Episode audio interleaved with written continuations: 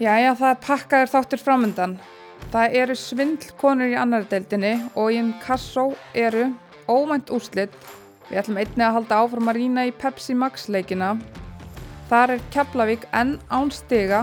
Jón Óli er komin niður úr stúkunni. Við spjallum um innkaup norðankvenna. Elin Metta var í sviðsljósnu og það er vesin í Vesturbænum. Við kíktum einnig á nýjasta landslýshópin okkar og erum með viðtal við HM Fara. Já, það er á næga að taka og við ætlum að fara yfir þetta allt saman.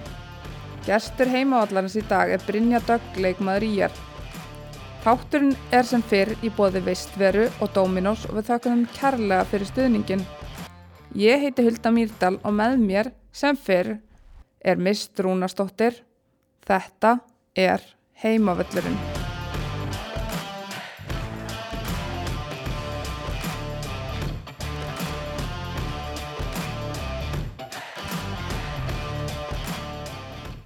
heimavöllurinn. Jæja, við erum mættar hérna í stúdióið. Brynja er gesturinn. Hæ Brynja, hvað segir þið gott? Bara allt gott. Við erum búin að neyða þið til að koma hérna inn í góða veðrinu. Bara afsækja það en það þarf að ræða fókbaltan eins og allt annað. Já, bara gaman að þessu.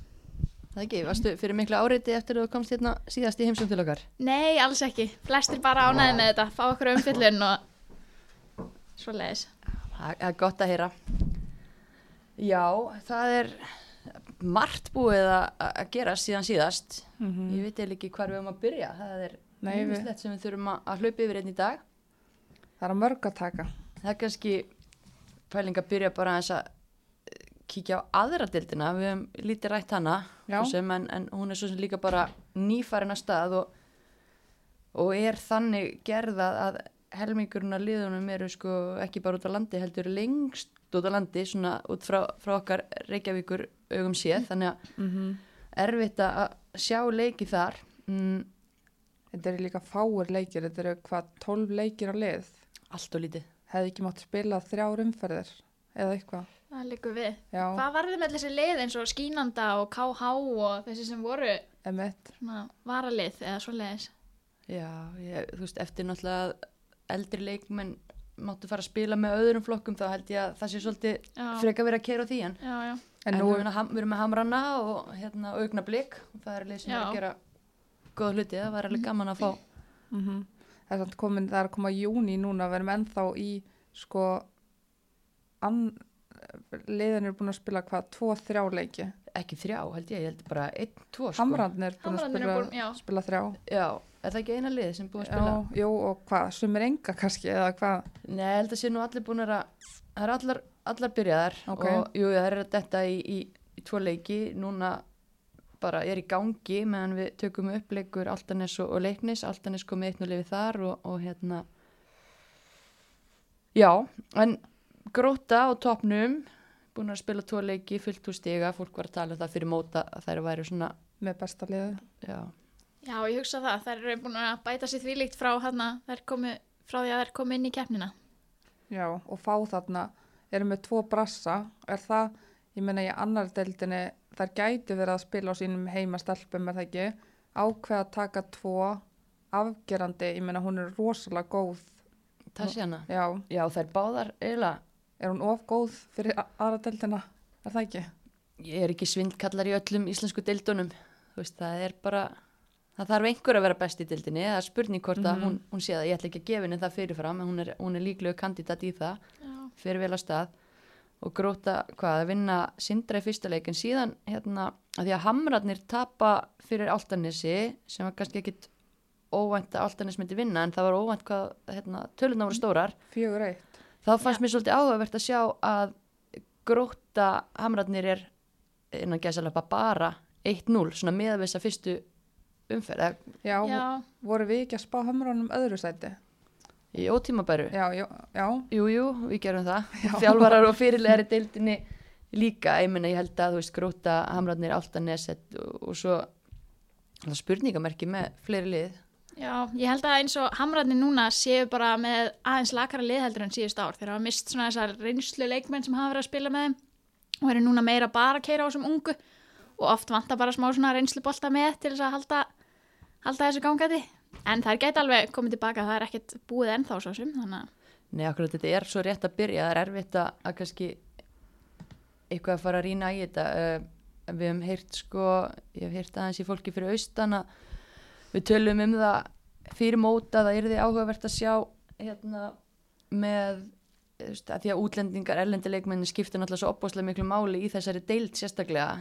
Öllu máli, að það ekki? Og, já, kannski ekki öllu, en, en mjög miklu og sérstaklega fyrir líð þar sem eru fámennir leikmannahópar og Mhm. og mér skilst að bæði fjaraðbyrð höttuleiknir og Sindri hafi gert vel á þeim markaði og það, þeir leikmenn sem séu komin þanga séu að koma vel inn ég veit ekki með völsung eru þær nokkuð með útlendinga? Ég held ekki, Nei, það eru Þær bara eru bara með heimastelp. heimastelp. heimastelpur held ég ok, ætlaðu það ekki að taka inn að tvær Ég held að það sé... Að, Ég held allan í já, síðasta leik hafa þær verið bara með Já, já, voru, heimastelpur það er ekki með breiðan hóp, það er... Nei, það er ótrúlega erfitt að fá leikmenn norður. Meiri Einmitt. sé eins og fyrir Þórkáa sem er að spila í Pepsi, þú veist, hvað þá í aðra deildina. Það er bara ótrúlega erfitt að fá leikmenn. En þær eru samt með fínan hóp, þeir sem eru aðna en þá í völsung, þannig að og hafa spilað lengi saman, þannig að þær gæti alveg, gæti alveg gert eitthvað. Svo náttúrulega Jonna þjálfaðir og hann er ótrúlega klár þjálfari, þannig að það er aldrei að vita hvað þær gera. Nei, og aðeins kannski um þjálfarana í þessari deild við erum með, þetta er sjölega deild og við erum með reynslu bolta í hver einustu brú Já. þetta, er- þetta er jákvæmt fyrir Er Deildina. tveir aðna sem að þjálfa K.R. í aðstof þjálfa K.R. er hann ekki hjá Sind, Sindra Jú, og svo Kalli náttúrulega með fjárðabyggð hött leikni þannig að þetta er Gæi með leikni, hann Já. var þjálfa meistar og kallaði leikni Kristoffer Harrington í Hömrunum hann er í teiminu hjá Þór Káa líka Mm John Andrews og er hérna, Ólafur Hlínur í Altanesi var er tvívegis hérna, Já. byggameistar í Danmörku og, og svo Maggi náttúrulega hann Spennandi, reyndar ungur. mjög efnilegur ungur, eða þjálfari Já, Já. ég hef veirt bara gott um hann, ég held að hann sé flotti þjálfari líka. og hann þó hann sé hérna, í sínu fyrsta meistarflokksverkefni sem aðalþjálfari þá var hann fullt af reynslu hann er búin að vera þjálfa fyrir KSI aðstóði yngri landsliðunum og fleira þannig að ég er svolítið ána með þetta minnst, þetta er virkilega flotti þjálfarar í þessari deildi engin sumar kona samt Nei, hvar eru þær? Nei. hvar er Það var nú í hömrunum í fyrra er það ekki, eða hitt í fyrra allavega. Var ekki Karin Nóa með þær? Jú, og svo tók Natalia. Gómez við þeim í þær fyrra. Hún, já, fekk tilbúð utan, fór út þannig að, Já. og Jóna Benny var með Sindra í Já. fyrra þannig að, jú, við höfum alveg séð séð konur í þessum jobbum en við varum alveg til í að sjá fleiri. Algjörlega. er ekki Já. Helena eini Helena og Bójana einu aðalþjálfararnir við Auðvitað, erum allar á, á lausu eða ekki? Það- en, er þetta ekki jú, ég meina, er, er alltaf áætlun er eitthvað óvænt, er eitthvað þetta er svo erfitt að ræða já, þetta þetta er líka bara þetta er rétt að byrja við ætlum að kíkja austur þá, er það? Já, þá gröfum hugsa við fyrst og tala svo hulda þá gröfum við dýbra í þetta þá getum við heimsókn annars alla deildina annað fyrir austan að- en þetta er alltaf að reyna að plana ykkur hópferð, eða, nei, hérna ringferð ég veit ekki alveg hvað erum að finna tíman í það en það verðist allan að vera sól fyrir austan þannig að við þurfum að leggja í hann og kíkja betur á þetta. Er þetta ekki ná að sinna um aðra deildina? Jú, það er svo jú. mikið sem við þurfum að fara yfir. Þú ert að halda á spöðunum mist ég? Já, hvað viltu ræða næst? Næst ætla ég að ræða það er spurning góð spurning. Uh, er eitthvað búið að gerast í inkasso? Já, það náttúrulega var heil umferð spiluð síðan að við tókum upp síðasta þátt þar sem við vorum að, skoða einn kassudeldina með honum Gumma. Mm -hmm. og það var gaman að hitta Gumma, hann veit ansi mikið. Já, þekkir, þekkir deildina mjög vel og við erum náttúrulega ekki að fara að brinja náttúrulega leikmaður í einn kassu þannig að við erum Ég eru bestar. En þið náðu að skora ykkar fyrstu mörk í deildinni, Já, já. Við náðum því. komnar á blað Komnar og blað. áttu góðan leikamóti augnablík, þannig að þetta er svona, það er stígandi í þessu hjá okkur. Já, algjörlega. Við erum náttúrulega bara með lið sem kom allt og seint saman. Við fáum hann á þrjára láni sem kom ekki fyrir en bara daginn fyrir leik nummer tvö eða eitthvað. Þannig að þetta tekur smá tíma svona að ná, ná að púsla þessu saman. Já, einmitt. Og, og hérna já, og þú veist, við höldum áfram að fá marka leiki þegar tindastóll á í hlut. Þróttu tindastóll Já. fjögur, tvö. Rosalega leikur, bæði lið með ótrúlega öfluga hérna sóknarlínu og, það bara ringdi inn, inn mörgum þar. Veist, fjölni gengur áfram illa skora, það var nú eitthvað sem Gummi kom inn á í síðasta þætti, ég menna þær eru að skapa sér færi en, en boltin vill ekki inn. Það er náttúrulega ekki vanlegt til árangus tapa 2-0 fyrir FH, ég meina FH liði lítur mjög vel út, Já, hérna, Hulda, samanlega því? Jú, það, ég gæti ekki verið meira sammála því. Að þetta er náttúrulega stelpur sem hafa spilað svakalega lengi saman. Þeirist vera stemming þarna. Bara já, þær mæta hverja Grindavík, hvað er þetta Grindavík og næst? Ætti það ekki vera bara þrjústi í viðbót fyrir það þar. Já, það er spurning, en svo er það líka, ég meina Grindavík er að býta frá sér, fólk, það eru náttúrulega alveg óskrifa blað fyrir mót, nánast blunkunýtt lið, mm -hmm. þær vinna afturheldingu í þar síðustu umferð og gera svo jafntefli á mjög erfiðum útivelli upp á Skaga, þú varst nú á vellinum. Já, þær fengur líka bara færi. Þetta var bara baráttu leikur það er bæði lið geta stólið þessu.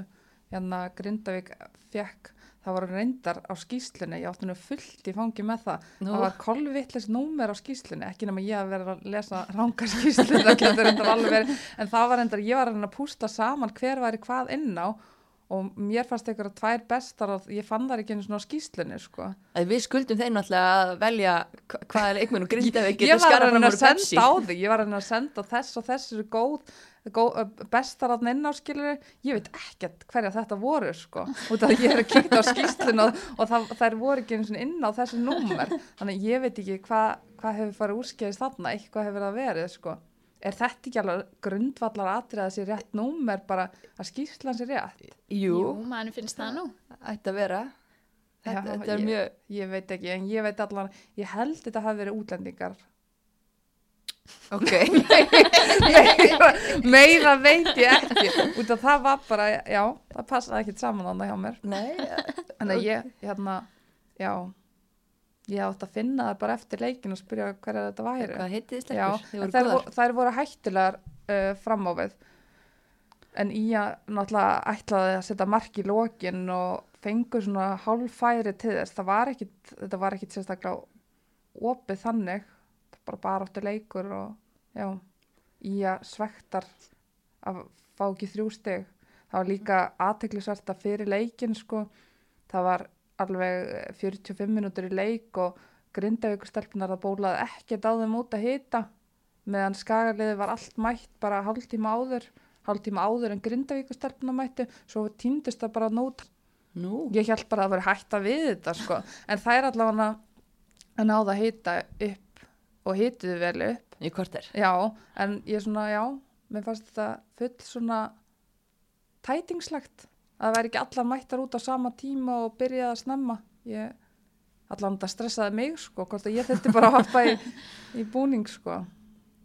Já, en þetta, það er komir er óvart. það er, þetta er ekki eins og við vorum að segja við, bara hvort það myndi verða með lið hvernig þetta er þetta, það er með hörkulið já, ég sé, þú veist, þær eru að ná ústendum bara frekar Mhm, óvænt, já. maður held kannski að þetta er þið lið sem maður myndi ekki smetla fyrir en þeir líður á mótið og ég Já. og þær eiga eflaust hellinginni að því að, Mhm. að því að þetta er liðið mótun en það er bara gaman að- sjá þær vera að taka stig og gaman Einmitt. líka því að fólk var líka búið að afskrifa þínar konur í ír svolítið brinja fyrir mót að því að það er náttúrulega líka splungun nýtt lið þar og annað en bæði lið er að býta frá sér í þessum hérna fyrstu umferðum alveg klárt þetta er bara hörku deild Já, en svo kannski leikurinn sem að við vorum einna spenntust fyrir augnablík haukar hérna uh, haukar voru náttúrulega stiga lausar í deildinni eftir tvær umferðir og dotnar út í byggar og, og við vorum aðeins að ræða það í síðasta þætti að hlýta að vera komin svona smá titringur þar en það er svara því já, ná að landa fyrsta sigurinnum á 90. mínútur, mínútur það lítur að hafa verið alltaf léttir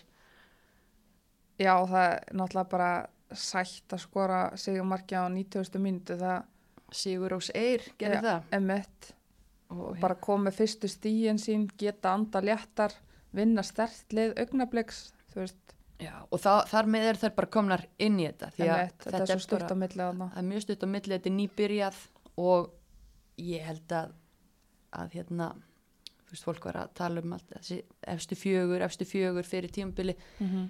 e, það geta allir tekið stiga öllum í Já, þessari mér finnst þess að allt geti gerst þannig í deildinni. Já. Það er bara, allir geta unnið alla og svoleiðis. Þannig að það er spennandi sumar framöndan þar. Eigum við að fara í Pepsi? Já, við erum búin að Já, ég er allan til í það. já, og það eru tvær umferðir sem hafa verið spilaðar í Pepsi Max síðan að við Já, rættum þá ágætu deild síðast Erstu búin að vera duðlega að kíkja á völlum Brynja?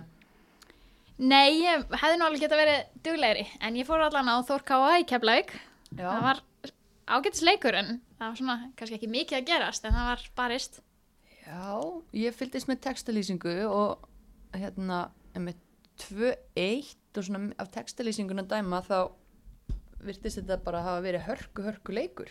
algjörlega og Keflavík í rauninu óhefnar kannski í báðum síðustu tveim leikjum hjá sér að ná ekki í sín fyrstu stig allavega eitt úr hvorum leik finnst manni sko þær voru bara ekkert síðri heldur en Þór Káa og bara sóttu á þær og gáði þeim engin færi á sér þannig séð nema þetta eina mark sem að hérna Sandra skorar, svo náttúrulega var eitt marki líka úr viti sem var svona vafa atriði kannski. Ég, úr blaðmannastúkunni leitið út fyrir að vera viti en keppvíkingar mótmæltu harlega Og hvað, það var dæmt hendi á Natasju eða ekki? Jú, ef ég mann rétt þá var það Natasja sem fekk hann í hendina. Já, en, en þetta sigumark, þetta er svolítið mikið hérna, hvað hún er svakalega góð, Já. Sandra, þú veist, þær eru keflaug á sóknarna, Já. vinnur boltan, hún með einni reyfingu snýra á köllu bara á miðjunni Já, og þá allt í henni er það allar komnar út úr stöðum og þá er það allt í henni þrjára á tvær já, þarna. einmitt Sandra, Þórdís og ég man ekki hver var þarna Huldósk, já,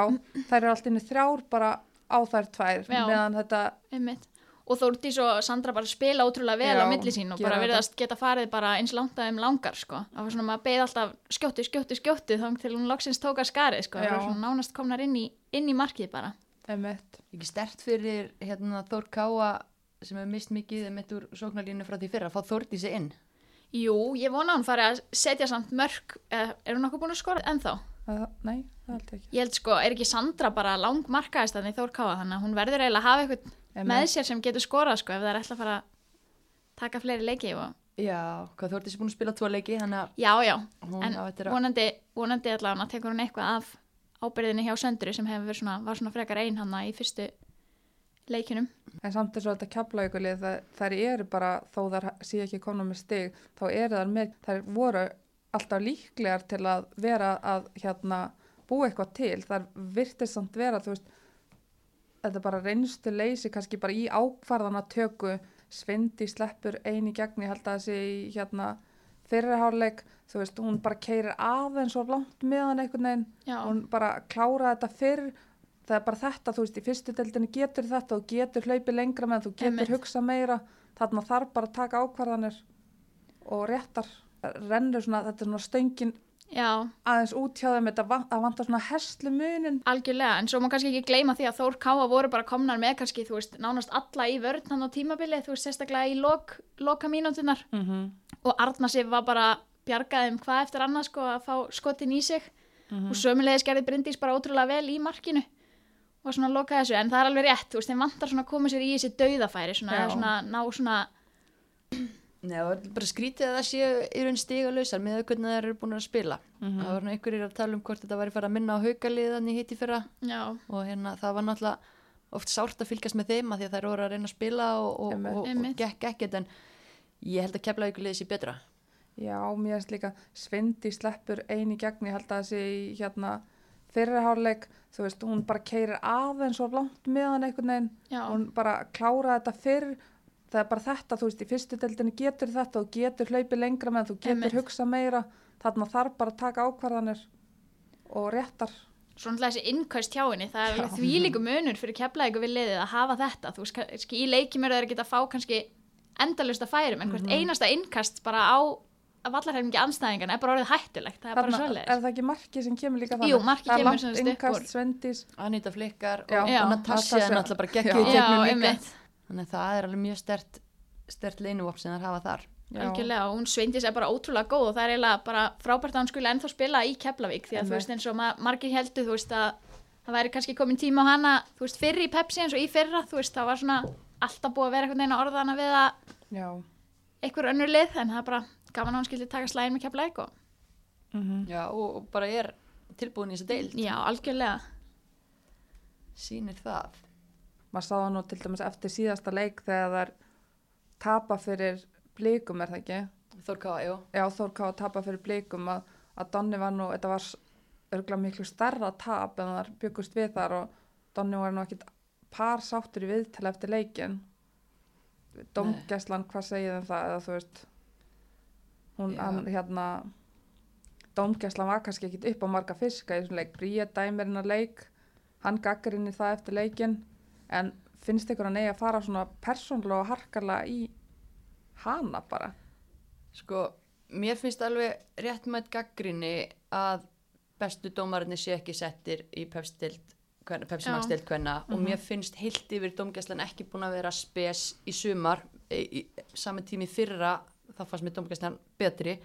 Full mikið af vafaðatriðum fyrir minn smekk so far. En ég er samt sammála, mér fannst já, mér fannst svona kannski óþarfið að draga persónuna svona mikið inn í þetta.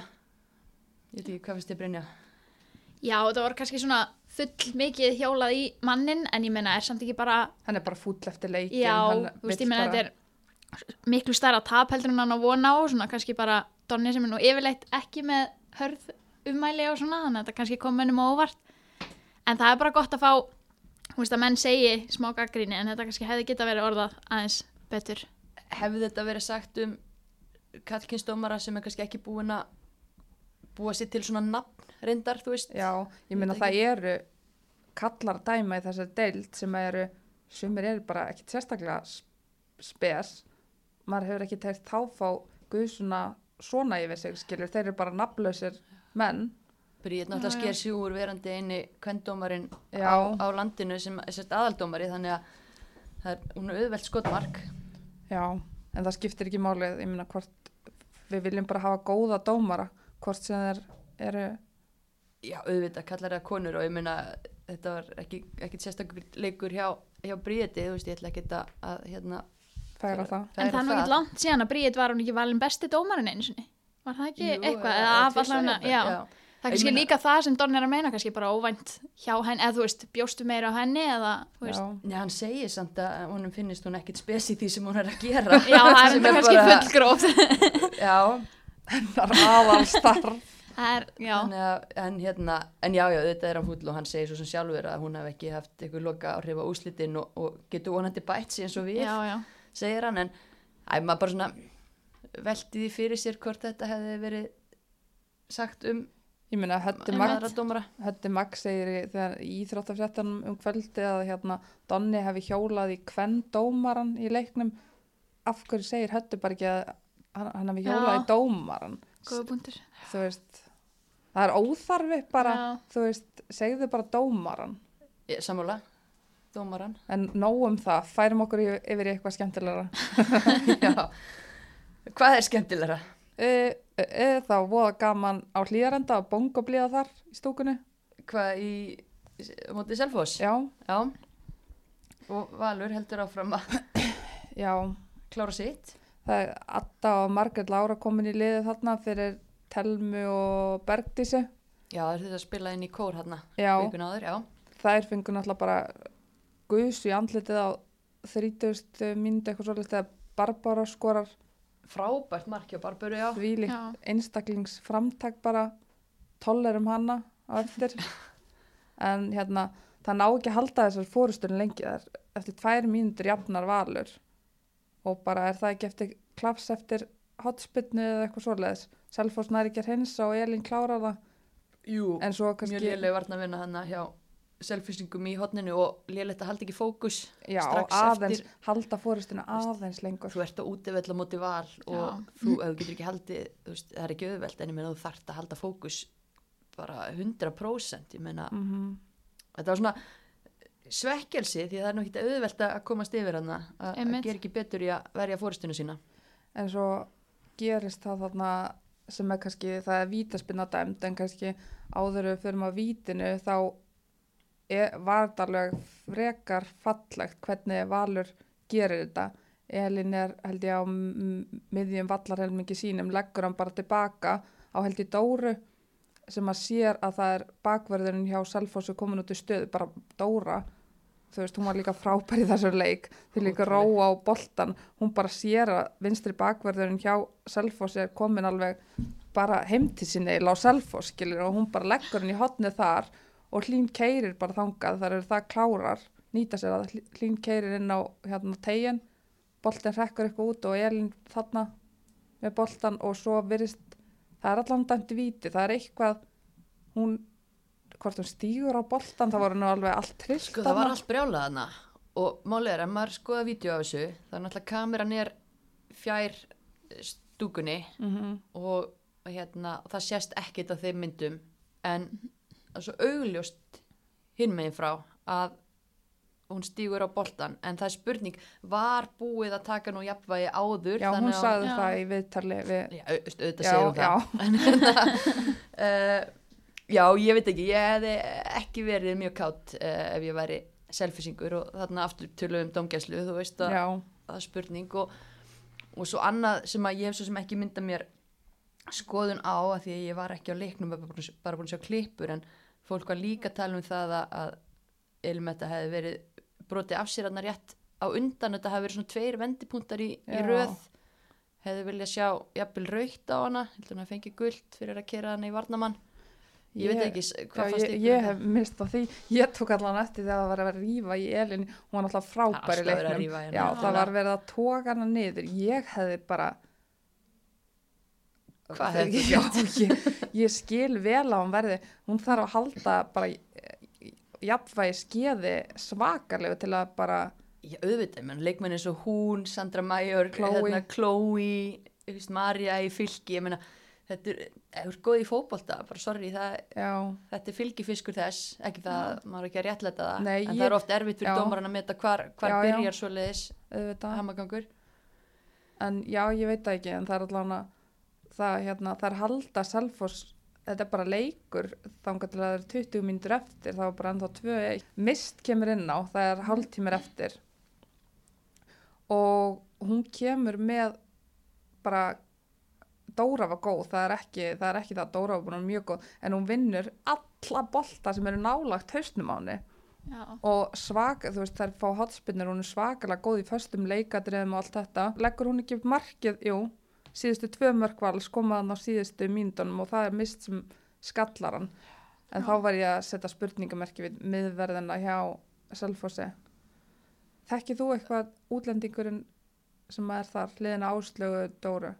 Hún ekki, kom hún ekki fyrir tímabilið? Jú, hún kom fyrir tímabilið og, en, þú veist, Alli gerði breytingar á vörninni fyrir leik, hann Já. tók Brynju út úr liðinu og færði áslögu niður í hafsend, áslögu var að spila miðjunni leiknum þar á undan þannig að hann er greinlega ekki búin að finna sína bestu blöndu en nú er hann að fá skólastelpunar inn, Bergur sem komin hann í bakurinn og svona, þannig að það er komin samkefni Anna og, Maria byrjar ekki Nei, uh, en sko þetta er fín hafsend en máli er að miða við það sem að Selfoss hafði í fyrra í Alisson Harran Já. sem að var bara eitt besti hafsend deildarinnar og bara allt og lítið tala um að því að Já. var kannski ekki réttu liði, þú veist að hérna hún er ekki eins góð og hún Nei, hún hoppar, mist skalla boltananna frá miðjun eiginlega, hún ætlar að hoppa upp í hann, áslögt Dóra heldur náttúrulega hún sé að fara að taka þetta, hún bara hoppar í tómt og boltan inn fyrir og Elin klárar.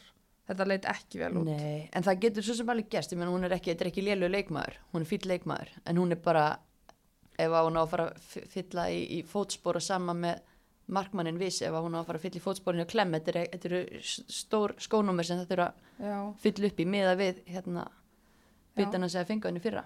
en svo er spurning þegar að glampandi sól líka, hverju megin var þetta? Var hún með sólin í ég augum? þekki ekki áttina. Öskilja Nei, en ég meina Nei, þú veist, það getur oft munað auð- helling þegar að... En það er að- líka. Fjórðamarkið er þannig að Hallberg með boltan er á sínum helmingi Já. og fær boltan þar, tekur hann í fyrsta bara frábær sending en þegar hún Hallberg er að gefa boltan inn á miðjum vallarhelmingi, ég hefði getið verið þarna á undan að bakka niður í vörnunda. Það sá allir hvað hún-. Nei, það sá allir hvað hún er að gera þarna. Hún Já, er að gefa fyrir aftan miðverðina og, og það er allar, Guðrún Karitas er bara eininn í gegn. Þetta á ekki að geta gerst svona. Alfreð er ekki sátti með þetta. En þetta eru tvö mörg á loka mínútonum, kannski er þetta bara, Já, fótboltin getur verið svona, en mér fannst sko fara flott hjá Selfoss eins og minna, þær lokuðu mjög vel á hennan vinstri væn Kallber og, og Fandísi í sérstaklega fyrirháleiknum og menn, Fandís náði sér ekki á striki í þessum leik, það mér finnst að loka vel á, á hana og svo, veist, þetta er bara svona, ég veit ekki, já, eins og nefnir hvernig þessi mörk eru sem það er að fá sér, þetta er ótrúlega klauvalegt Já, eftir hvað þú er búin að setja já. mikið í leikin hlaup og djöflast allan leikin, ert inn í honum og svo bara einhvern veginn þetta. en svo líka, þú veist, fyrra tók þær ekki góðan erlendan sendir og bara, sorry, en Darjan Páel er virðist ekki heldur vera góður erlendur sender. Mér finnst hún lítið búin að sína og það er einhvern veginn náttúrulega háir liðinu mjög mikið hvað það er bytlaust fram á við. Veist, það er ótrúlega erfitt, þú getur ekki bara varist á móti val í 90 mínútur og vonast til þess að fá eitthvað í leiknum, þú þarft að hafa ákveðin gæði fram á við. Bara bara frábært hjá henni að taka skarið með þessu marki en fyrir utan það þá var þetta kannski svona hálf það eru mikið bara að flýta sér einu úslitasendingar, mm Magdalena var hérna Tínd. Já og bara ekki að taka góðar ákvarðanir. Þú veist, hún hefði þurft að, að róa leikin meira. En hún var alltaf mikið að flýta sér og svo náttúrulega bara lítil ógna Darjan en vonandi og svo finnst manni líka sko Caritas og, og Eva Lind þessum er að koma utan og Bergrós það er ekki alveg Nei. einhvern veginn komnar í Það er eftir að besta. spila sér saman bara Já. betur. en það allan mun gefa þeim mjög mikið að fá Eva Lind inn þarna með sinn hraða og Fleiri, já. ég bara vil fá bara Páel á bekkin, bara sorry og Já. ég vil færa Barbaru framar ef hann getur fyrst að Bergrós er komin aftur inn mm. En já, já, hvað En- veit maður Já, það, þú veist ímislegt. vanga veldur bara Nei, en þetta valslið, sko, frá því í fyrra, bara í þessu lið, þá er bara Sandra, Elín, Hallbera, Hlín sem að, og Fandís sem er að byrja. Þetta eru fimm leikmenn síðan í fyrra og það vorum að velta fyrir okkur okkur var að ganga svona vel núna en hva, hvað er þetta núna? Sko ég held að alltaf Dóra byrjar ekki leikina í fyrra eða fyrir part mót, hann spilar, hann er komið með henni í liðið í setni hlutan í fyrra. Hún spila meira, þú veist, er ekki bara að fá Dóru Mari og Margreti þarna inn, er þetta ekki bara þetta er það sem það þurfti bara eitthvað svona leiðtoga? Þetta var svona svolítið, ég veit það ekki. Er það ekki sammála því að Jú, þú veist, bara róin, róin sem þær gefa á boltan og bara þær hafa einhvern veginn alltaf trú á þessu bara reynslan og þú veist, bara hugsunin það Já. er bara kunna leikin svo vel vita það er ekki panik, það er ekki pyrringur og það var svolítið sem að sá í fyrra eða Já. hlutinu voru ekki að ganga upp strax það var bara pyrringur og það Einmitt. skapaði hérna svona óryggi og voru að fá sér klöfuleg mörg og Mhm. annað að það er miklu svona meiri einhvern veginn fagmennska og ró yfir þessu Mhm. öllu saman en ég held að það er eigi Fandísi bara inni þú veist Fandís í blíkaliðinu hún var mikið í því að sprengja upp. Þar voru þú veist leikstill blíka er bara þannig. Hún var mikið að keira á varnirnar skjóta, getur búið til bara töfra úr engu skiljiði. Hvað er Fandís kom með mörg mörg til dæmis? Hún skoraði á móti Þór Káa hann í fyrstu umferð uh, að sjá, kíkjum bara á þetta en já, ég hugsa að þetta sé alveg rétt sem þú ert að hún segja. er, hún, mér finnst hún vera svona ennþá að venjast þessum leikstil að Já. halda boltanum. Boltin fer mikið í gegnum Elinu hann fer mikið gegnum Margreti Dóru. Þú ert náttúrulega líka bara með allar þessar kanonur þannig Já. að þú ert Já. ekki að fara að vera ein, ein með ábyrð, ekki það að hún var svo mikið ein með ábyrð í blikalinu en ég skil hvað ert að meina það er öðruvísi hlutverk og öðruvísi leikstíl. Öðruvísi, já, þær eru að halda boltanum bara meira. Og ég held bara þegar fá hana inn í svona þetta valspil út af maður sér alveg þegar Fandís fær boltan hún er svolítið að hugsa á hún að gera þetta svona einfalt eins og þær eru allar að gera eða á hún að hlaupa með það sjálf, skilur á hún að, veitir þið hvað ég er að meina? Á hún að, þú veist, hvað hennar styrkleikar er í þessu? Og ég meina á hún ekki bara að gera bæði ég meina, Jú, en ég bara veist. segja að þetta er auðvitað erfitt þegar þú ert þessi leikmaður bara, ert vöndi að keira varnirnar, skjóta, þrykja marki allstar, þetta sem hún getur gert, þessa ótrúlegu hluti. Þú veist, að vita hvenar á hún að gera það og hvenar á hún að taka spilið með hinum, skilur við, einmitt. Út af hún er svo svakalegu leikmaður. Mhm. en ég- mér finnst veit bara að vera að komast betur og betur inn í þetta. Já, undar, ef undan er já. skilin þessi kannski selfhúsleikur en selfhús náttúrulega bara var búið að meta þennan vinstri væng vals sem hérna mm hættuna og, og lokuðu bara þokkala á það. En ég meina þá opnast alltaf bara fyrir aðra í staðin það er bara þannig. Ég held bara að þegar hún verði orðin enn einhvern veginn slípuð sama við þetta að þá verður ekkert sem getur stoppað þetta lið, sko Nei. það virðist nú ekki vera margt getur stoppað eins og er Nei, Ég held bara því miður að þetta eh, bara lítur út fyrir það að þetta verði bara þessi tvö lið og Já. það verði bara innbyrðis Já. viðregnina sem muni ráða úslitum. Ég sé ekki á þessum tímapunkti að það séu önnur lið í dildinni að fara að taka stig af þeim. Nei. mm, emitt Þú veist, jú, auðvitað geta alltaf slisin gerst Já, eða já. orðan þannig en mér finnst bara yfirburðinni vera það miklir gríðarlegir. algjörlega. Maður sér bara Þór Káar lenda í bastlega á móti Keflavík og líka bara steinliggja á móti hérna, sem stóru það lið er eðlilegt að Þór Ká að lendi í basli á móti Keflavík sem er bakið upp í vegg og Já, allt já. það en það er ekki eðlilegt finnst mér að tapa sko Nei, Þetta ekki er stórt. stórt, á móti þessum báðum liðum og líka á algjörlega. það sýnir strax að það er virðast vera nokkrum skrefum á eftir þessum liðum það er bara þannig vonandi kemur Þórdís Rönn með svolítið styrk inn í þetta hjá Mhm. þeim þannig að, að það er hérna Já, mjög spennandi að sjá hvað hún gerir. Hún er hörkuleikmaður og það er virtust ná ágætlega saman hún og hérna Sandra þegar þær fengu svona sinn tíma í keflækuleiknum það er allan að vera gaman að horfa á leiki með þessa skemmtikrafta hann Já, algjörlega. IBVF, ef eitthvað ræði IBVF þær eru ótrúlegar. Já. þær eru bara eins og svart og hvít. Jójó, Já, Já. það vantar allan stöðuleika í þær eiginlega. sko, tapa manni fleiri Já. fyrir KR og rústa svo stjörnunni Nákvæmlega. 5-0, hver átti von á þeim úslitum sko Ekki ég að minnst ekki, Nei. ég get sagt það alls ekki og ég meina íbjöða þær byrja með í bakverðanum stelpur fætt 2003 og 2004 það er Ragnarsara Já. já. frekar ung Einmitt. hugur veist- ekki hjá Jónóla að gera þetta Já, mér fann samt, þú veist, e, e, ég veit, 5-0, það er ekki takt að verja þetta, það er bara ekki hægt. En hérna, áður en að marki kemur, þú veist, þá eiga þær færi, Dilljá gerir vel, þú veist, hún, hérna, hvað köllum hana?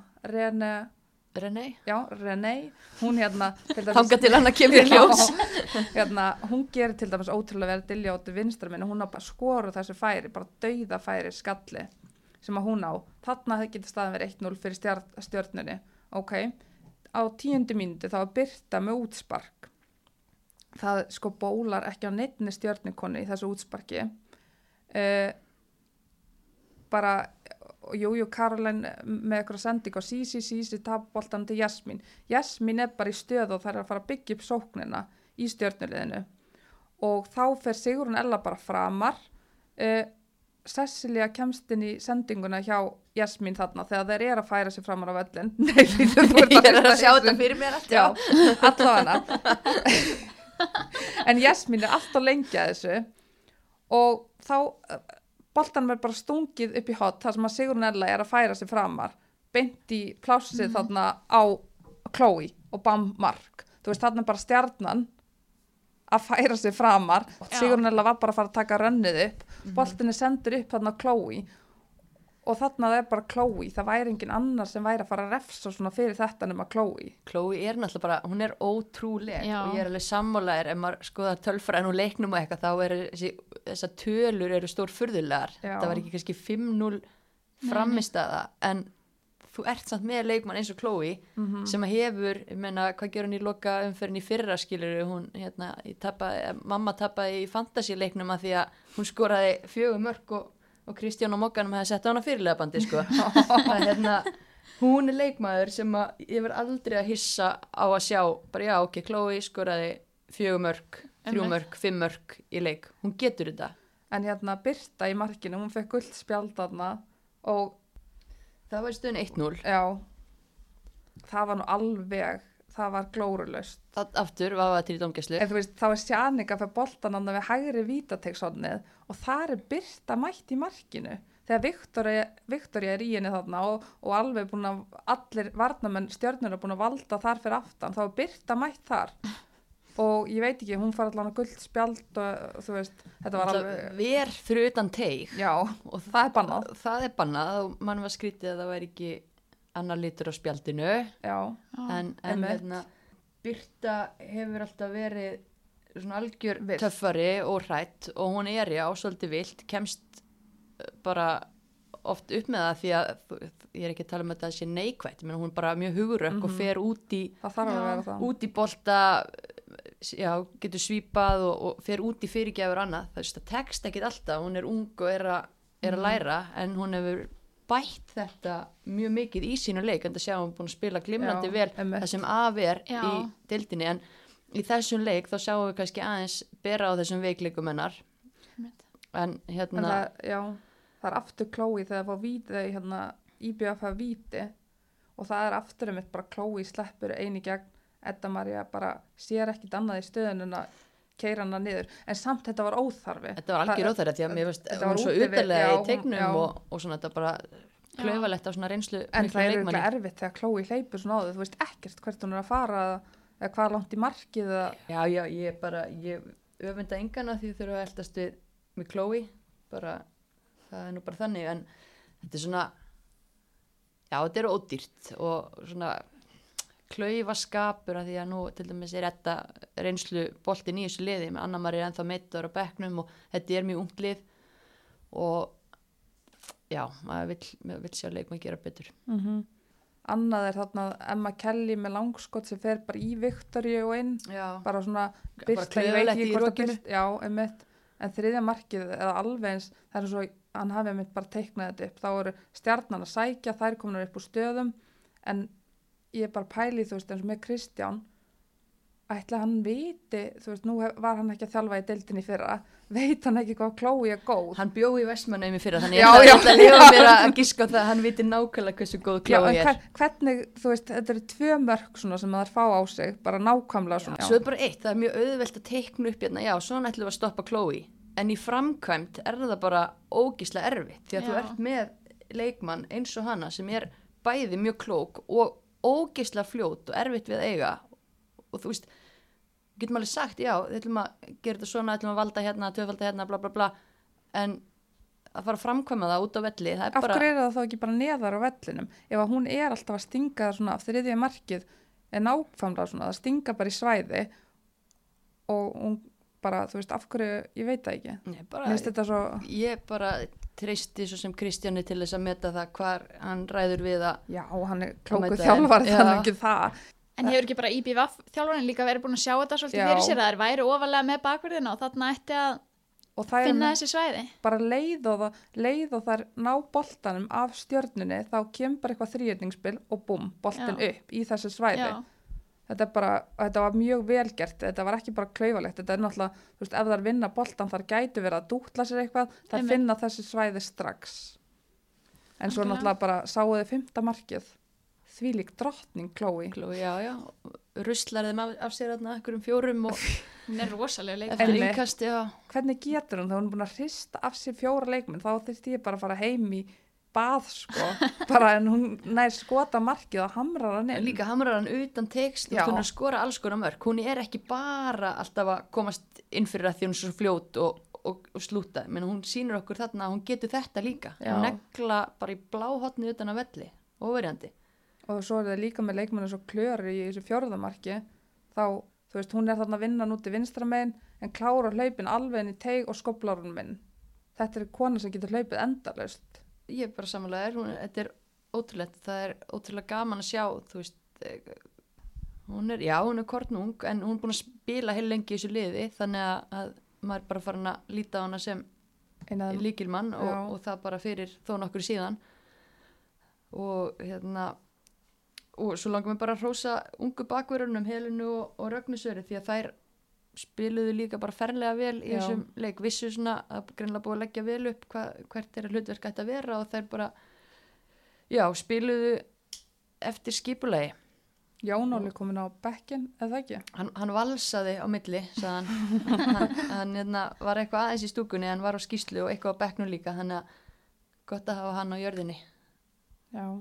en eftir svona 5-0 skell þú veist uh, ef að Valur fengi á sig 5-0 skell þá er þar margar konur til að rífa liðu upp hver í stjörnunni er að fara að rífa þetta liðu upp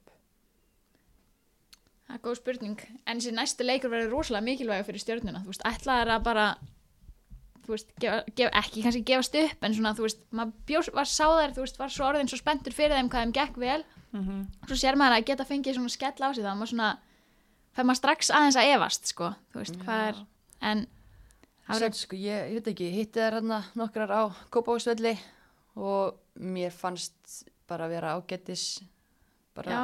stemning og andi. Ég meina, þú veist alveg að það er kannski búið að ganga vissuleiti vonum framar og búin að fá sér mjög lítið að mörgum og annað og þú ert samt með ungt lið Já, og slísin gerast. Það er enda mjög stórt próf í, í næsta deildarleik.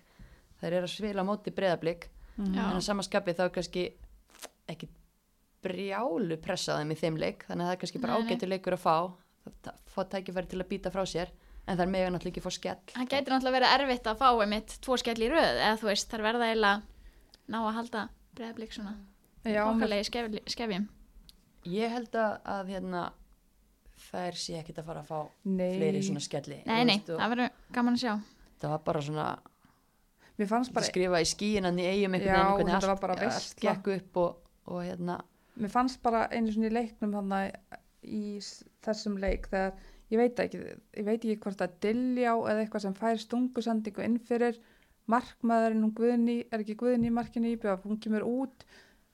Og Dilljá hefði getað heimtað, ég veit ekki, hún er undan í boltan Guðni og hún hefði getað pikkað í hann fengið vítið eða eitthvað svona. En mér fannst bara vanta svona að þær væri að byggja um eitthvað, að öskra eða eitthvað svona smá að ég fatti hvað ég er að meina. Já. bara eitthvað svona smá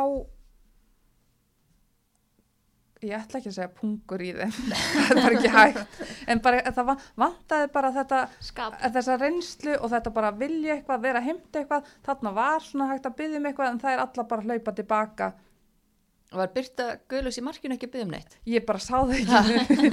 En þú veist hvað ég fattiði hvað ég meina. Það er svona, maður hefði séð reynslu meiri leikmenn og meiri svona leiðtóa bara verða tussu fúla yfir þessu. Það vantar svona einhvern að draga þetta áfram og vera með einhvern annan kjaft. Já, já, Anna María náttúrulega fyrirliðin þeirra Já. á, bekknum og, og Sóley svo sem Já, hún náttúrulega reynslu mikill leikmaði með fyrirleifandi en ég held að það er fullt af skaphundum í þessu liði. Það er kannski bara eftir einhvern veginn að finna sitt svona pláss og, og hver ger hvað og já, bara ennþá að koma að púsla þessu saman já, svo kannski var þetta bara ekki þeirra dagur, það var bara já, stundum er það svoleiðis. einmitt já. hvað erum við meira? við erum náttúrulega með mjög mikilvæg þrjú stig á HK Viking Já, já, mútið fylki fylkislið aftur ekki að klára færin sín og vanta svona aðeins meira power hérna fremst á völlin já. uh, það er náttúrulega s- halda boltanum ágætlega en það vantaði svona herslu minni bara að klára þetta. Þegar. Háka Víkingur er ég meina í setnáleik kemur Háka Víkingur bara hærra á völlin og er bara að keira á þær. Já, Það- það bjargaði þessum leik held ég að fylkir hafi skorað markarna rétt fyrir háleik að því að HK Vikingar lágu svo aftalega í fyrir háleik þetta var ekkert skemmtilegt að horfa maður er alltaf að hugsa um skemmtanagildi en maður er hlutlaus. En hérna þær þurft að fara framar í setni háleik og fylkir reyði bara alltaf illa við það er eins Þá og það er pressu. komið með óvart bara, ég veit það ekki. Já, en ég verð að segja að HK Víkingur hafa bara verið að koma þvílíkt á óvart. Það er uh, mun betra heldur en maður aftur vona á og bara hafa verið að standa sér mjög vel.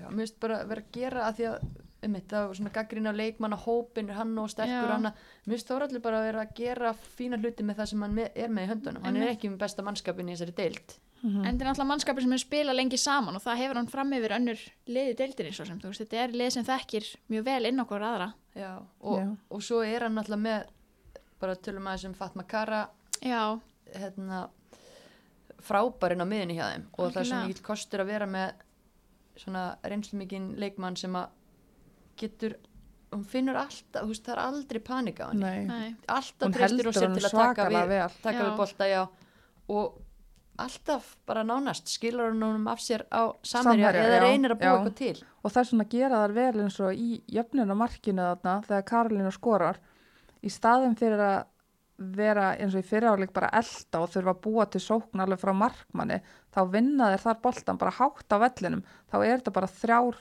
sendingar og Karolina er komin eini gegn.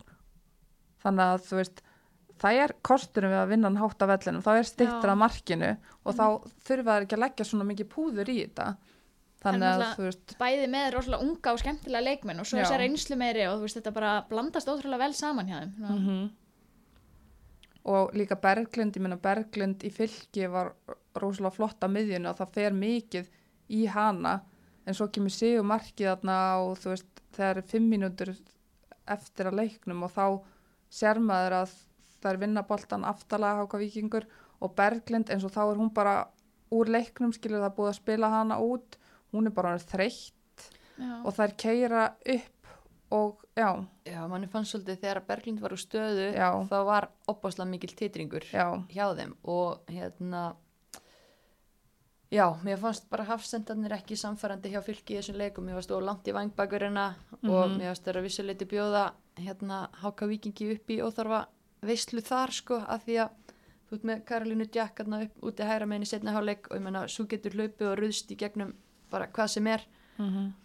að hérna hún fekk mjög mikið plás og, og eins úti vinstra meginn, ég menna bæði mörkin koma þannig að boltin laði til vinstri eða ekki Já, og en veist bara hrósa háka og líka fyrir að klára þennan leik bara. Við erum ekki að sætta sig bara við eitt eitt jafntefli þarna. það bara Einmitt. gefið þeim ekki neitt og, Nei, og það eru búin að gala opna dildina þarna, ég menna komnar í sex stig jafn mikið og fylgir og Einmitt.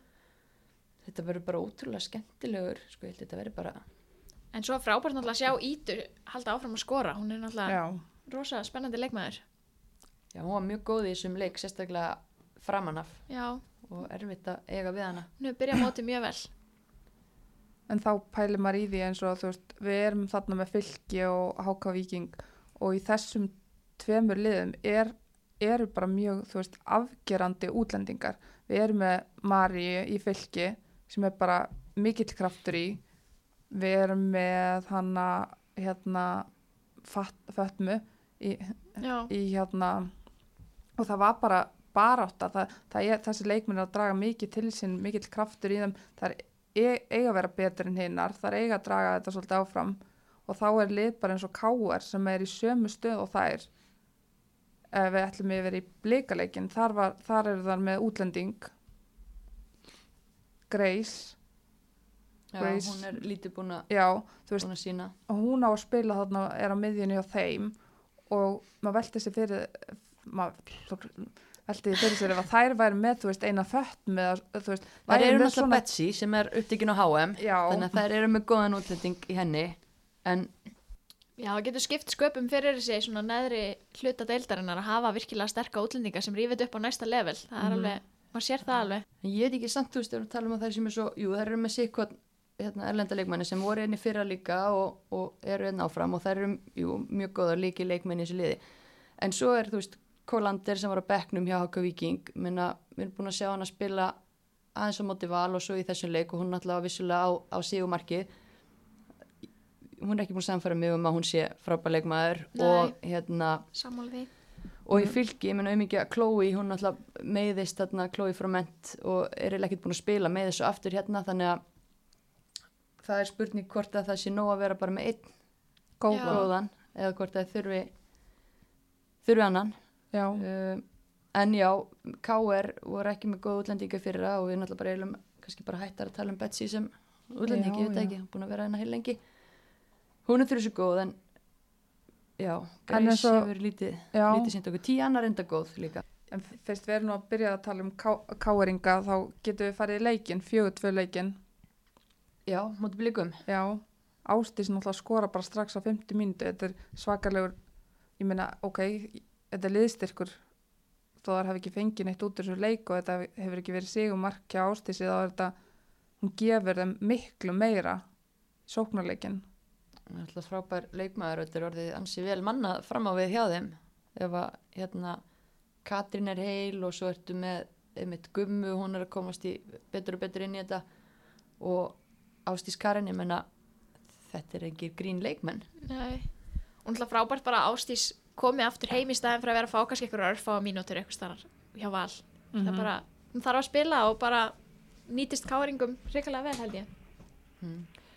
Já, ég held samt þú veist að, að já, það er alltaf bara stert hjá Káir að komast yfir en mér varst blíkarnir alltaf að vera með yfirhöndina í þessum leik, bara betra, betra lið. Já, Um, bara, já, Kristín náttúrulega skorur leikra, leikadriði tvö mörg um, markið bara í lokin eins og bara fjögur eitt markið þegar Agla sendir hann hérna á Berglindi Björg þetta er svo mikil gæði í Aglu. Hvað er hún að gera hérna? Þú veist að hvað gæti hún gert næst? Allar reyfingarnar hjá henni boltatæknin og allt. Þú veist, á hann ekki verið að spila bara einhvers staðar út í heimi Er hún ekki bara að klára mentaskólan og bara taka í rólega? Hún er nú bara 20 árinu sko. Uh, en hvað getur hún gert næst Er hún að fara út í skóla eða? Ég held hún bara ákveðið það sjálf. Ég menna, ég hugsa henni muni standa til búða að fara bara á samninga ykkur staðar. Eða hvort hún vilji fara í skóla eða, eða verða bara atvinnukona. Ég held að það sé ekki spurning. Hún er alltaf bara með hvernig hún er búin að vera að spila og hefur hún heldur svona áfram. En þetta er náttúrulega svakaleg gæði í breðabliksliðinu. Það er að hafa unnið alla sína leiki núna. Er eitthvað veikleika merki á liðinu eða þú veist, sjáu þið eitthvað? Er alltaf missa Já. fjollu út sem er ekki gott fyrir þær. Nei, það er ekki gott. Selma Sól spila djúb, hún er svo sem mjög fjölhæfi leikmaður og getur alveg leist það. En ég veit ekki, breyflik er ekki vant að fá á sig tvö mörg, hvað þá heimavelli, þannig að eða þú ert að tala um einhverja veikleika þá getur alveg tekt okkur eftir því að það var, hérna, þær fá á sig tvö mörg og mér fannst fyrsta markið, mér finnst Sonny að gera betur í því, reynda fyrir boltin að varna manni að hún sér hann kannski seint en svona, já, óveinilegt að fá, að hún sé að fá sig svona mark. Uh, og það er alveg verður alveg gaman að sjá bara valsóknina fara að keira á, á þessa vörn. Þetta er ný vörn, varnalína og svo sem hefur alveg staðið sína plikt en það er kannski helst að maður geti pikkað út einhverja mögulega veikleika þar Já. mér fannst það að vera aðeins shaky á, á köflum hana Já. Já, Valur Breiðablik verður hörkuleikur. Það er Já. bara strax bara að laka til hans. En svo fyrst vorum að velta fyrir okkur þær hafa náttúrulega unnið alla leiki breðablик en hvað gerist nú hafa þær unnið meistari meistarna þær hafa unnið allt bara sem er í bóði þær hafa ekki tapað leik hvað gerist þegar þær tapa leik já, nei, ef þær tapa leik það, hver er þá að fara öskra þetta lið áfram? Breiðablик, já, hvað er ég að byrja? Byrjum aftast bara Sonny. Ég, ég held að sé fullt af karakterum þar og, og hérna, Steinu Óli. Já, þeir eru kannski þeir eru með alveg varaplön. Já, Já, já, já, ég hef engar áhyggjur af því að, ég held að þetta sé ekkert lið sem missir hausinn, svona, svo auðvöldlega. enga veginn, enga veginn og þær hafa ekkert gert það, ég menna það hefur komið hyggst hjá þeim síðustu tvö ára en þær bara, þær verðast alltaf vera með lausn og það er bara svona mitt þróski og, og hérna svona yfirvegun ákveðin, einhvern veginn yfir öllu sem þeir eru að gera finnst mér. Og gleði líka bara. Já, Já, gleði, en, en samt þessi ró, þú veist, og hundlega er þetta að heyra alltaf við tölum eitt leikur í einu, næstu Mhm. leikur skiptir máli, rasa, rasa, já, en ég held bara, þau eru í alvörinu bara að hugsa þannig. Og, Mhm. og hérna það er ekkert í alvörinu allir að hugsa þannig þó að segja það í vittulum einmitt. þannig að mér finnst bara bæði einmitt, þessi topp tvö lið, þau líta bara hrikalega vel út núna og menn bæði búin að skora 17 mörg í 5 leikjum. Uh, blikar búin að fá þessi marki meira. Það er kannski helst það sem kemur á óvart. Ég veit ekki, það var eitthvað að týna til. já, en hérna já, við erum 60 á forskot á næstu tvö lið og við erum búin að sjá veikleika í þeim liðin það er Þórká og Stjarnan þannig að ég held bara veist, eins leðilegt og, og ef ég gef mér það, ég hafi rétt fyrir mér eins leðilegt og, og það er að þetta sé að fara að vera svona tveggja liða móta held ég að pakkin fyrir niðan verður bara þeim mun meira spennandi að fylgjast með því að ég er ennþá bara alveg lost með það. Hvernig maður ætti að raða. Jú, ég myndi eiginlega eina sem ég ætla að gefa mér í sér í deild er að Þór Ká endar í þriðasæti Já, það er eina sem að ég myndi en ég meina, er ekki spennandi baráttan hana, milli þessar tveggja liða, þó það sé tveggja liða barátta, þá, Jú, ég meina, þú veist, það aftur að vera, já, já. hún er rámögnuð En, en það væri samt ótrúlega leiðilegt ef við þurftum að býða bara eftir einhverjum tveimur Já. fótboltaleikjum en verður ekki áhörundamöndi bara sleið á þeim leikjum þá? Þetta er svona hörku spennandi, spennandi viðregnir. Algjörlega og talandi um það Brynja, takk fyrir. Vist alveg glóir. Já, sérlega áhugunum hérna, áhörandi tölur, smitaðist að daðar apsinni í fyrir það en hérna áhörundametið í, í dildin í sumar, það var slegið núna, bregðarblik KR Já, fór úr 330 af stjórnavelli í fyrstu umferð og upp í 412 þannig að við fögnum því. Frábært. geggjað. Þannig að vonandi er ekki langt í, í fyrsta 500 manna leikin já, það var líka stemming þannig á þó það hafi verið kallt í stúkunni þar það er að færa þessa stúku hinum megin sko, það er þetta var eitthvað að gera. ansi naburt sko. Þá, já, en hérna jú, það var gaman og það er búið að vera gaman að fara á völlin, mér finnst búið að vera flott umgerð á öllum leikin sem ég er búin að fara á í sömar og algjörlega. Ég fæ alltaf góða hambúrgara. Já, þú ert svolítið í þeim. Býtu, hver hefur þú verið? Ég, Ég býð ennþá eftir að einhver, einhver líf fær að starta í græmetisborgarunum sko. Það er að vera komin tíma á það, 2019. já, Heyrið þið það? En hérna, uh, aðeins bara pæling vandi markaskoruna því við vorum eitthvað að veltaði fyrir okkur fyrir mót, þú veist, hver er að væri að fara að skora og það er ekkit óvænt í því að það nokkuð, er þetta ekki bara eiginlega alveg eins og maður hefði búist við svona í því hvaða leikmenn væru væri að fara að setja sér mörk í sumar Jú, ég meina það eru komnar þannig þrjár þrennur, Elimetta, Klói og Hlín. já, Já, Það, er svo sem bara Nei. allt eftir áætlum þar, er það ekki? uh, jú, og náttúrulega. Sandra sennilega markahæst, Sandra Stefani já, hún er markahæst sex mörk, einu marki meira heldur en hérna Chloe og og Elimetta, já. Já. Uh, já, þú veist þetta, við vorum að tala um þessa leikmenn fyrir mót, svo vorum við að tala um kannski að Fandís Margrét Lára myndi blanda sér inn í þetta. Já. Og sjá svona hvernig takturum væri á og Berglind Björg, náttúrulega hún er hvað er hún með mörg mörg? Hún er, Hún er náttúrulega með skóin heima hjá sér núna. já hún er með sko heima sér. Hún á eftir að halda áfram. Þannig að þetta eru svona svolítið þau já, Já, þau nöfn sem við áttum von á en er ekki Ída Marín að koma svolítið óvart kom með, eða byggust allir við nei, sem marka ekkit endilega. Ég meina þetta eru úr þessum toppliðum eru þetta sömu konunnar skora en það þarf í þessum neðri liðum Já. að þurfa, þessi lið þurfa að hafa markaskorara. Mhm. Ég meina Íta, þó hún sé þetta ung, þá þarf hún bara að skora. já, og ég minna það er eins og gumma hún er búin að skora eitt mark í fjórum leikjum. Hún þarf til dæmis bara að skora meira. Við myndum vilja sjá fleiri mörg frá henni. Já, en svo er eins og, þú veist, verði ég að nefna að Guðrún Karitas er komið tvö mörg en hún hefur spilað kannski mestalagi 15 mínútur í hverjum leik eða þú veist, ég vil bara 5 mínútur og samt skorar hún. Þú veist, af hverju er þessi stelp ekki að spila eitthvað staðar fyrir önnur lið maður spyrir sig, þú veist, þarf hún ekki bara mínútur og myndir hún ekki vera bara, hún skora alltaf sko. Hún skorar alltaf og þú veist, væri hún ekki bara hörku kostur fyrir eitthvað af þessum liðum? Ég minna Ég nú meina- pró, prófaði hún að fara í káar en þar var Já. spilinu út á kanti held ég.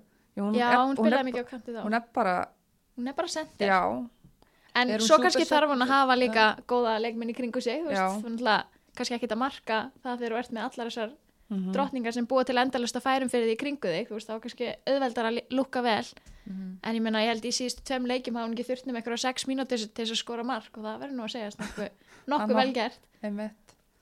Algjörlega, svo er Hildur Antons búin að vera að setja hann og, og. Barbara, hún skoraði ekkit fyrra hún, hún skoraði tvö núna. Þannig það er ánægilegt uh, en þú veist, svo tölum það að við erum að vera til að hérna, styrkja liðin. René, og nú aðeins að hérna, lifna yfir henni eftir það bara byrjun ef við tökum út eigaleikin, ég meina hún er bara með eitt mark í fimm leikjum.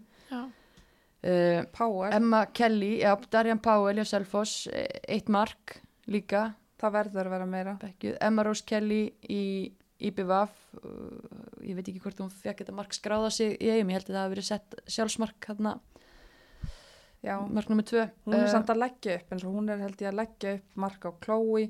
Hún er, það er hætta í kringum hana. Já, og hún er að ná saman það er að ná vel saman og þetta. Meðan kannski eins og Powell og René það er kannski ekkit bara að frétta þar.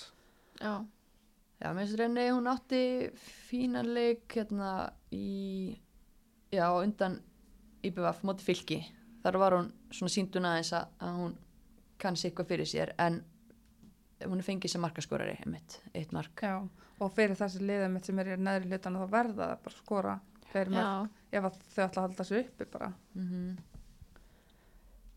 Já, þannig að Þetta hver er er- vera marka markaðistar minna, ég, er ykkur að fara að toppa Margréti Láru 2007 þegar hún var með 38 mörg um, nei, það verður seint, seint toppa það verður, já, mjög seint toppa en síðustu 2-3 ári er þetta búið að vera svona 19-20 mörg. Já, það er eðlilegt. Já, Já, og ég meina við erum komið með 6 mörg frá Söndru Meijor núna eftir Já. 5 leiki þannig að hún er bara á góður önni hún er líkleg, Elimetta er samt kannski sá leikmaður sem að, að ég veit ekki er kannski ósangett að segja það ef að Sandra Major er markahæst en maður er búin að taka mest eftir Elimettu svona af þessum framherjum í deildinni. Já, hún er búin að vera ógislega góð í sumar. Og hún er líka að fá fleiri færi meðan Sandra, þetta verist vera erfiðar þarna fyrir, á Akureyri eins og í þessum fylgisleik, þú veist, Sandra þurfti bara eitt færi og hún skorur úr því, skilur einmitt. þú veist, þetta er rosalega gæði í henni það er ekki verið að mata hann allan Nei. leikin af, þú veist ekki Alls það ekki. að Elín sé að búa til hún er að búa til helling sjálf skilur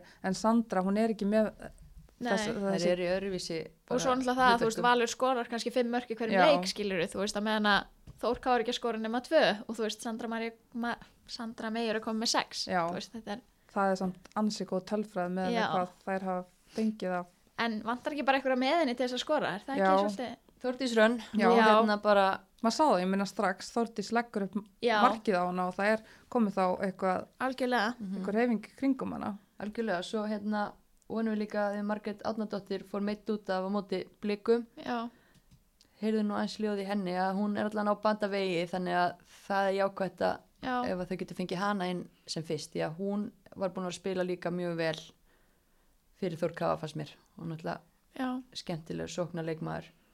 Þannig að vonandi kemur hún inn sem fyrst og þá kannski fyrir þetta hrinja en svo er bara spurning með hennan hollenska sendir Íris Achenhoff. Hann náttúrulega Donni setur hann inn á eftir 20 mínútur að móti blikum, tekur hann svo aftur út bara Já. hálftíma síðar. Hvað skilabóður það? Eins og hann segir í viðtalinu þá var þetta taktísk breyting en ég meina, Hvernig fer svona í hausin á leikmanni samt? já, ég verð samt að segja að það sem ég hef séð frá henni þá er hún ekkert, ekkert að lofa neitt allt og góði Nei. En- það lofar allan ekki góður sett inn á og tekin út af það er Nei. aldrei góðsviti alls ekki En hvað, ég meina, þau hljóta að vita hvað eru að fá, ég meina þau eru búin að vera að fá engöngu mjög sterka Já. erlenda leikmenn hinga til, hvað, hvað sjá hérna? Já, ég meina kannski bara hendar hún ekki leikstíl Þór Káa eða, veist, ég veit ekki, á hún að vera meiri sendir, hefur hún ekki verið að koma inn samt frekar svona á miðjuna.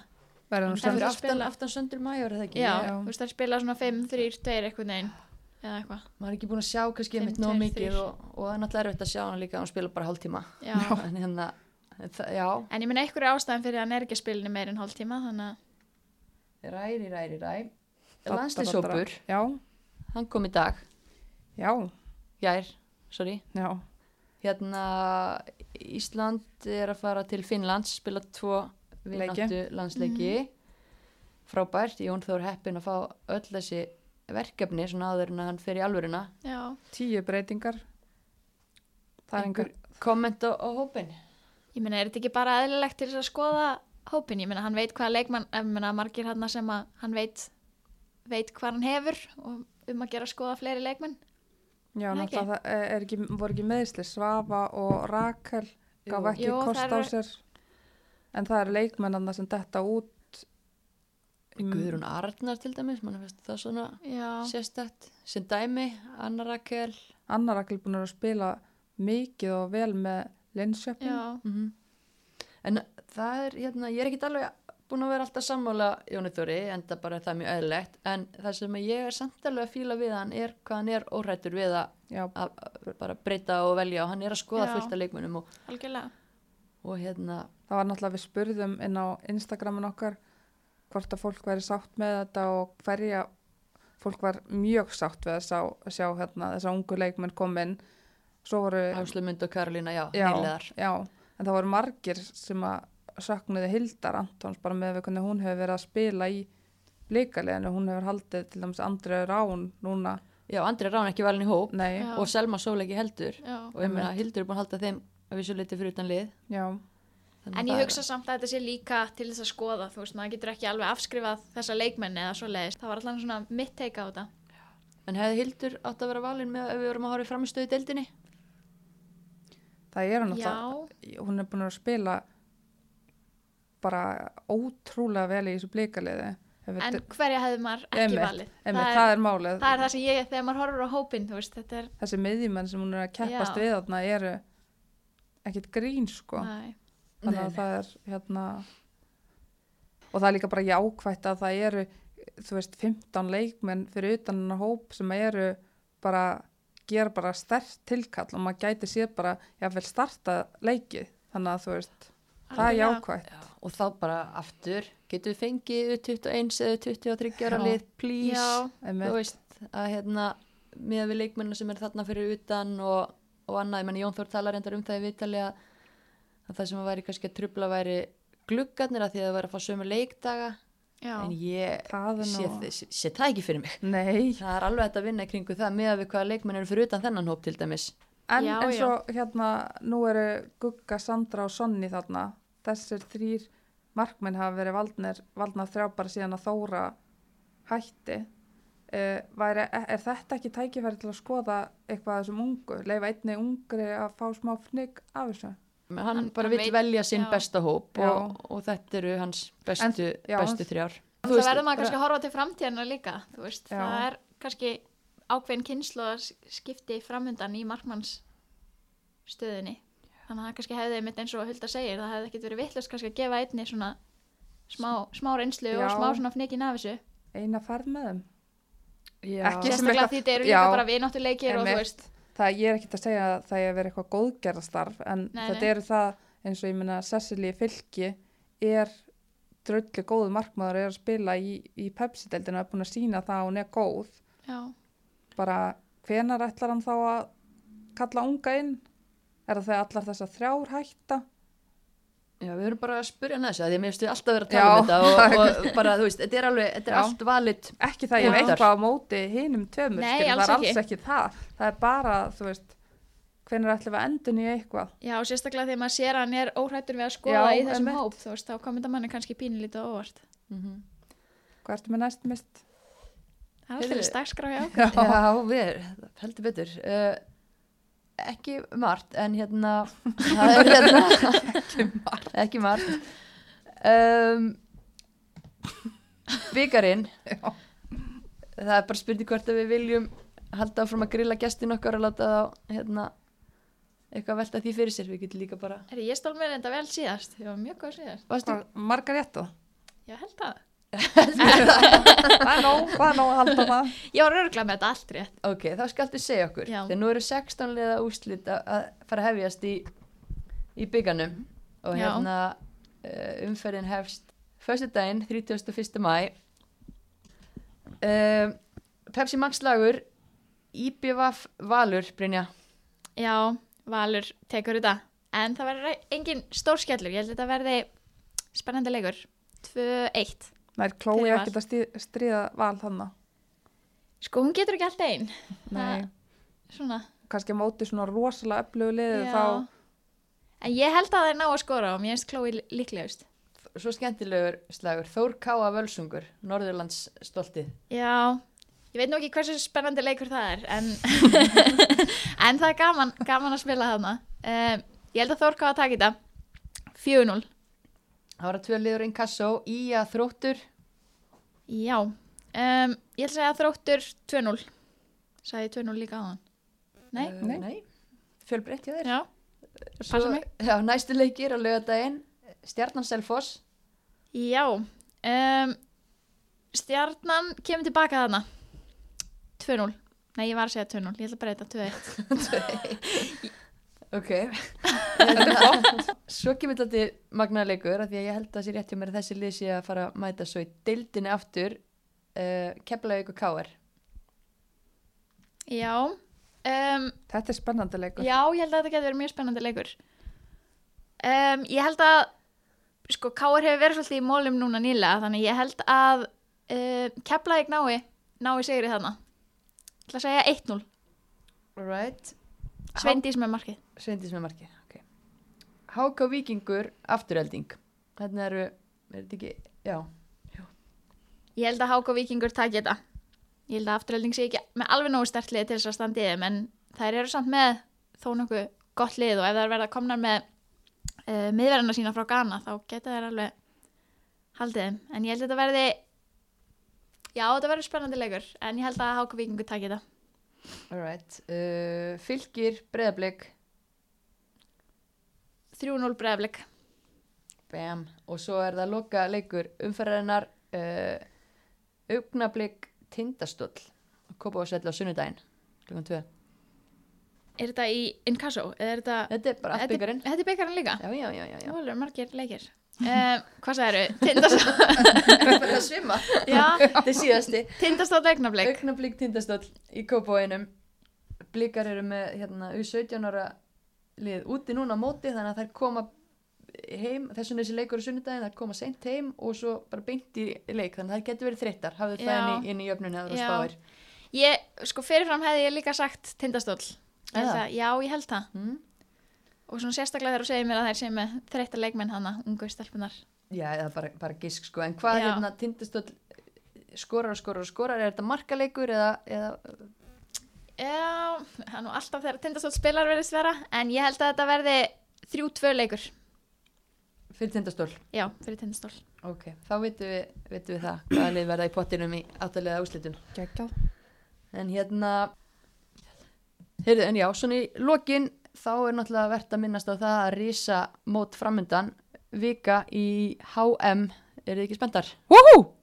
Jú, þetta er spennandi að, Ekki að spenda huldar samt búnar að velja ykkur lið til að halda með? Nei, í raunin ekki Ég held ég muni bara að horfa á þá leiki sem ég hef tíma og bara njóta þess að horfa á góðan fótbolta í sjálfinu Er ekki rúm með alla leikina? Rúum með alla leikina, Kristjana og, Edda eru búin að lofa veislu, Því líka drottningar. það verður geggjað. En hérna, en þú hulda með hverjum ætlum þú að halda? Uh, já, ég ætla að halda með hérna Betsy. Betsy Hassett. Já, fyrst að hún er eini leikmaður í Pepsi-deldinni sem að er að spila. Já, hún káaringurinn og nýsjálendingurinn Betsy Hassett er, er fulltrúin okkar í ár þannig að við verum allavega að halda næst mest með henni ef að við um hann uppáslið, eða ekki? Jú, klálega En hérna, við heyrðum aðeins í Betsy áður en hún fór á stað til Fraklands ef við ekki að heyra hvað Betsy Hassett hefur að segja um þetta þriðja HM mótinar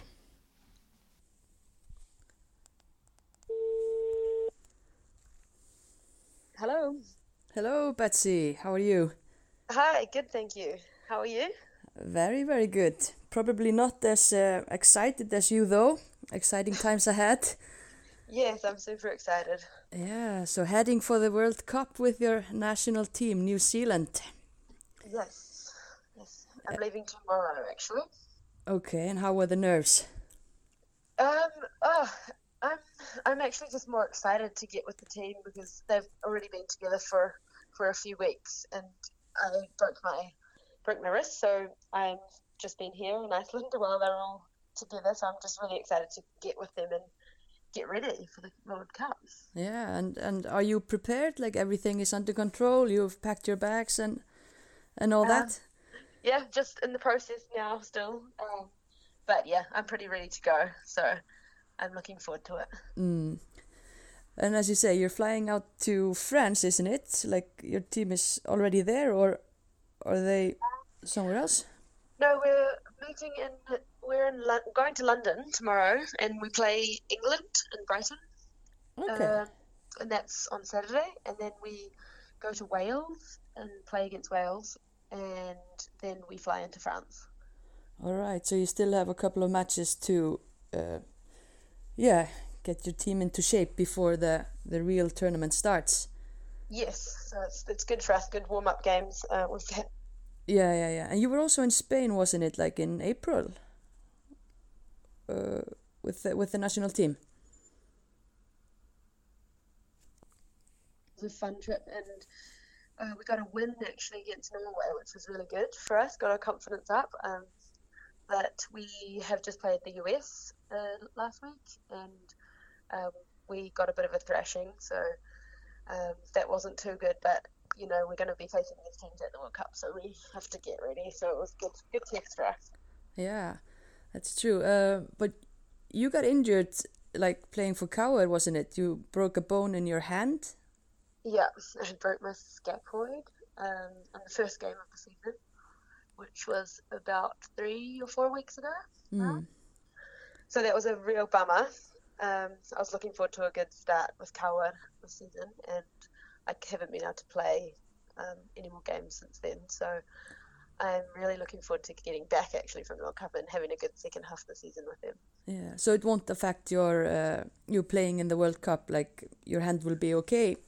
Um, I'm hoping so. We're, we're, we're getting trying to get like a splint made that I can play in. Um, it won't be healed completely yet, but I think I'll still be able to play. Um, and yeah, it just depends what the coach wants to do. I'm a bit bummed because hopefully it doesn't um, doesn't uh, yeah affect me starting or not. But we'll have to just see how it goes. And yeah, Yeah. it's not really up to me, so I'll just do my best and hope for the best.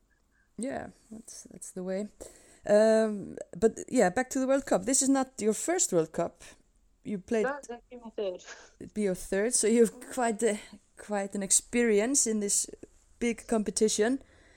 Um like how how do you like rate New Zealand's uh, strength now and uh, compared to like w- your first World Cup?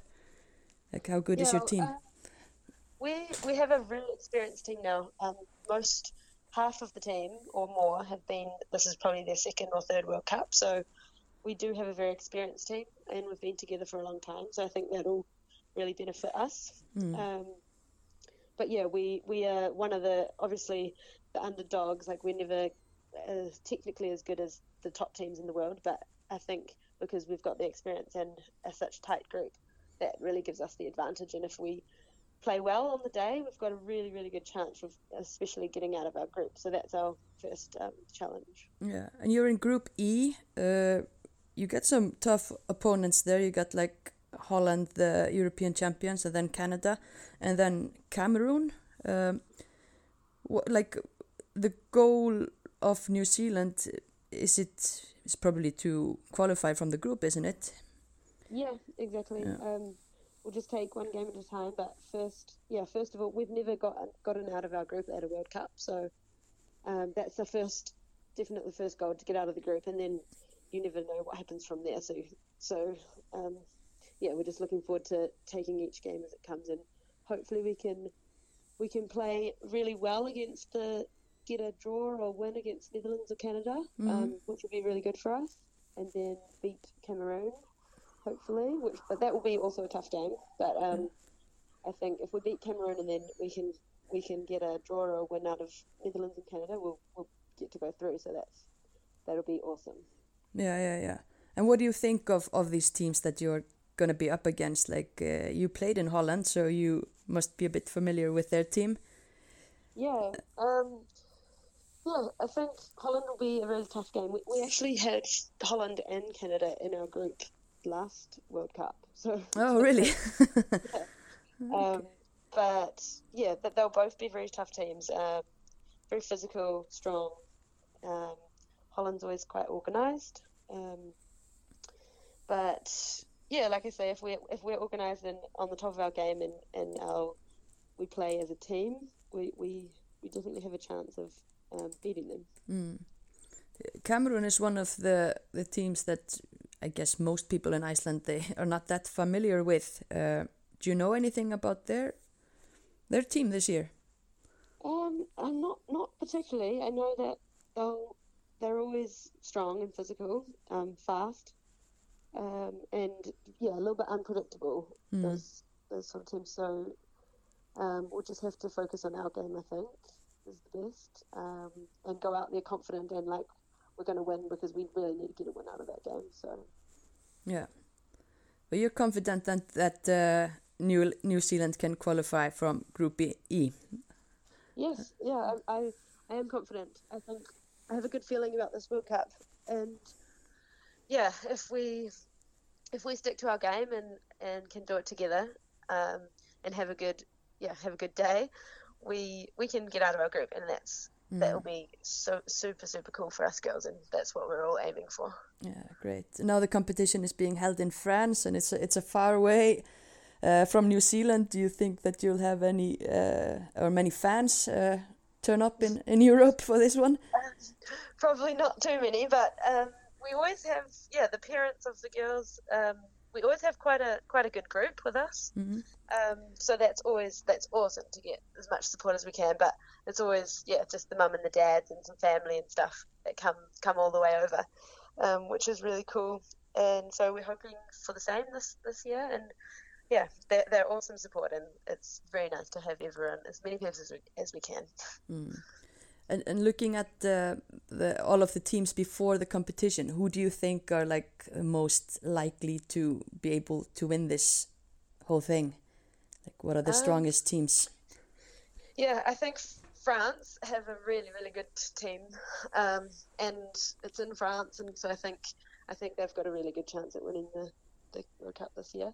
Mm. Um, but then also England have been doing really well lately, so they could be up there, and and Australia I think also have a very good team. Um, all the teams are getting better, so it's going to be quite. I think it's going to be quite a tight competition, which is going to be fun. Yeah, yeah, definitely. Uh, I think we're up for a for a treat, treat of the eyes. Yes. uh, uh, but before I let you go, like um I'm just curious. Like you played in the states, you were you've been playing at big clubs like Manchester City and Ajax, and now you're at your third season at KR. Like, what is it that's keeping you in Iceland so long? Um, I love it here. I, I love the I love Kawa. I love the girls, um, and I love the country. It's really cool. I have a good balance here of football and and other other side of my life that I'm trying to work on as well. So um, yeah, it's a really good balance, and it reminds me of New Zealand, the the, the nature and beauty, and there's really nice people here. So I'm just enjoying it, and I'll stay as long as I keep having fun. Okay, that's that's good to hear and good for for KR. Uh, yes.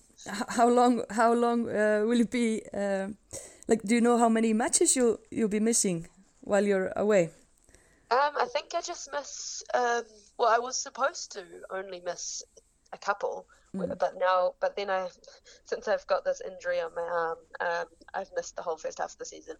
Um, But I think from now I miss maybe two, two or three games, and there's a break in in June. So, I yeah, luckily I won't miss too many over the World Cup period. Um, I think there's like one or two games yeah that are happening. Um, but I should be fully back.